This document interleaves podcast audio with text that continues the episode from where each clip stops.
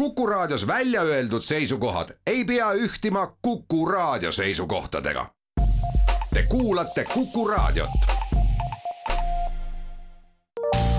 terviseks saade valmib koostöös Ida-Tallinna Keskhaiglaga. vaata ka itk.ee tere, head Kuku kuulajad, eetris on äh, saade Terviseks ja me räägime täna emakakaelavähist ja selle varajase avastamise tähtsusest. mina olen Ingela Virkus ja koos minuga on stuudios Ida-Tallinna Keskhaigla emadusnõuandla ämmaemandusjuht Silja Staalfeld-Rahumägi, tere! tere! Järgmisel nädalal on äh, üle-euroopaline emakakaelavähi ennetamise nädal, mille eesmärk ongi siis juhtida naiste, meditsiinitöötajate ja avalikkuse tähelepanu emakakaelavähi ennetamise ning äh, varase avastamise tähtsusele, et äh, mis selle eesmärgi täitmiseks siis tavaliselt selle nädala jooksul toimub? Tõepoolest, Euroopa Emakakaelavähi Assotsiatsioon on siis see organisatsioon, kes seda nädalat on ellu kutsunud ja eest veab. Ja, ja üle Euroopa siis toimub tegelikult erinevaid selliseid teavituskampaaniaid elanikkonnale, et just teadvustada seda emakakaelavähi tekke olemust ja emakakaelavähi ennetamist ja sõeluuringut kuidas teie hinnangul teadlikkus emakakaelavähi osas siis aastatega on äh, tõusnud?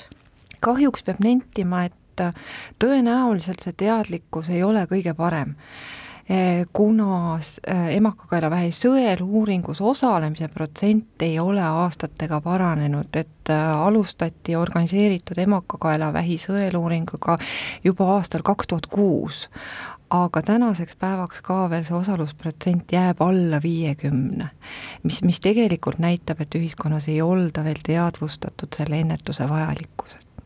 mis see põhjus veel võib olla, et miks siis sõeluuringutes ei osaleta? Eks seal on kindlasti palju komponente, üks asi on teadlikkus, et kas üldse teatakse, mis asi on emakakaelavähk, kuidas ta tekib. Äh, teine asi on võib-olla selline skeptilisus, et minuga seda ei juhtu. Ähm, uuringud on ka Eestis näidanud, et äh, tegelikult soostuvad paremini osalema need, kes ka muidu käivad arstil rohkem, ehk neil on see usaldus olemas peetakse ju edukaks skriiningut siis, kui osaleb vähemalt seitsekümmend protsenti kutsututest. Eestis jääb see protsent alla viiekümne.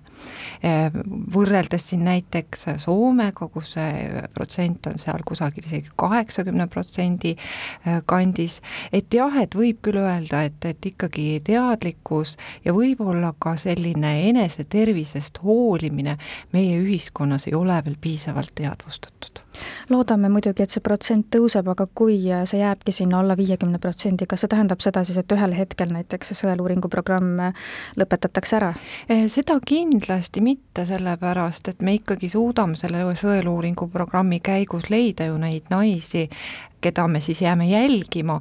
väga oluline punkt siinjuures on ka see, et kui teiste sõeluuringute käigus me räägime varasest, vähi varasest avastamisest, siis emakakaelavähi sõeluuringul me räägime sellest, et me saaksime leida need naised, kes võimalikult on siis nakatunud HPV viirusega, üheksakümmend seitse, üheksakümmend üheksa koma seitse protsenti protsenti äh, on siis äh, põhjustatud emakakaelavähk just selle HPV viiruse poolt. ja see tähendab seda, et tegelikult leides need naised, kes selle kõrgriski HPV tüvega on nakatunud, me jääme neid jälgima ja me ei lase üldse tekkidagi sellel emakakaelavähil, vaid me sekkume enne mis viirus see HPV viirus siis täpsemalt on? jah, see on inimese papilloomviirus, tal on väga palju alatüüpe, üle kahesaja on leitud.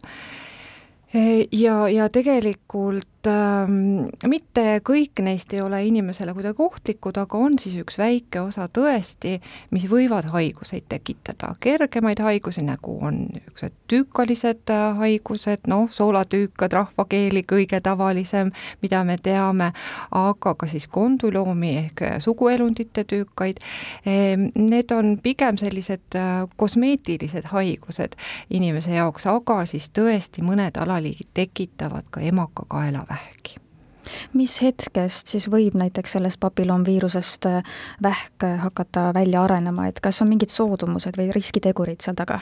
jaa, et üleüldse saab öelda, et üle kahe kolmandiku täisealistest inimestest on mingi HPV tüübiga nakatunud. Ja äh, tegelikult enamus nendest tervenevad ise mõne aja jooksul, pool aastat, aasta või ka kauem, võtab see aega. ja nüüd kusagil kümnel protsendil organism mingil põhjusel ei saa selle tervenemisega hakkama ja kui siis on nakatutud äh, tõesti selle kõrge riskitüübiga, siis ta hakkab tekitama rakumuutusi emakakaelas, mida me nimetame düsplaasiaks, emakakaela düsplaasiaks meditsiinikeeles. ja see düsplaasia võib olla kerge, keskmine, raske Eh, Screeningu käigus tegelikult äh, nüüd me otsimegi äh, seda HPV-ga nakatumist ehk me sõelume välja need naised, keda me peaksime jääma jälgima, kes siis potentsiaalselt on selle kõrge riski genotüübiga nakatunud.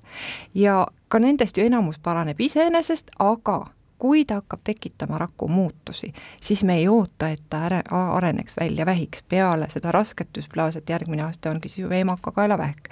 et kui ta ikkagi areneb edasi, siis me juba sekkume ja on võimalik siis äh, sellise pisioperatsiooniga eemaldada need, muutunud rakud, mis siis paraneb spontaanselt peale seda operatsiooni ja, ja ei lasta seda vähiks areneda, et, et me saame küll öelda, et emakakaelavähk praktiliselt on ennetatav Te mainisite, et kui näiteks naise kehast leitakse kõrgema riskiga papillomviirus, siis äh, esialgu on ta jälgimisel, aga mida see jälgimine tähendab, et kui tihti ta käib siis näiteks teie vastuvõtul või ja mida see vastuvõtt endas sisaldab, et mida siis tehakse? jaa, kui nüüd leitakse, et ta on nakatunud selle kõrge äh, riski genotüübiga, siis sinna juurde tehakse ka emakakaela raku analüüs ehk uuritaksegi neid emakakaela rakke.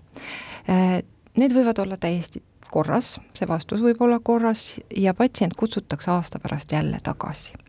kui seal on nüüd muutused, siis vastavalt, millised need muutused on, suunatakse patsiente eh, siis eh, eraldi uuringule, neid kolposkoopia on selle uuringu nime, kus siis juba vaadatakse mikroskoobi all suurendusega, eh, millised ja kus need rakumuutused täpsemalt esinevad kui see viirus naise kehas on, aga rakumuutusi veel ei ole, kas siis põhimõtteliselt midagi temaga ei tehtagi, et mingeid ravimeid ta ei saa, et lihtsalt oodataksegi see hetk ära, kuni need rakud hakkavad siis muutuma?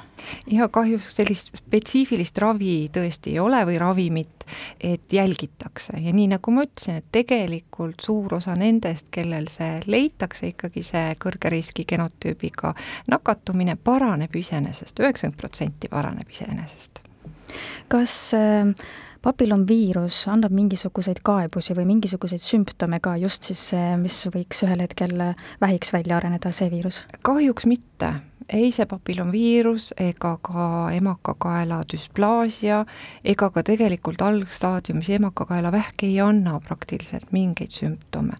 ja, ja seetõttu sümptomite alusel, kui patsient pöördub, siis me oleme juba hiljaks jäänud, siis enamasti see emakakaelavähk on juba kaugele arenenud.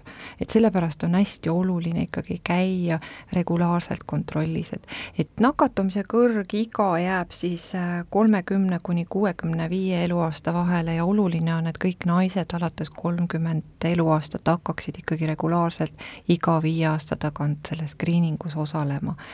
ja, ja emakakaelavähi nii-öelda ennetamise koha pealt ongi see võtmekoht, et, et kui kõik naised osaleksid selles screeningus, siis me praktiliselt saaksime kõiki emakakaelavähi juhte peaaegu kõiki ennetada mida tähendab regulaarne kontroll, et üks asi on see, et tõesti osaletakse äh, sõeluuringus, aga kui tihti võiks naine siis käia lihtsalt tõesti regulaarses kontrollis? tegelikult esimene asi ongi osaleda sõeluuringus. kui kõik on korras, kutsutakse neid naisi iga viie aasta tagant kuni kuuekümnenda eluaastani siis.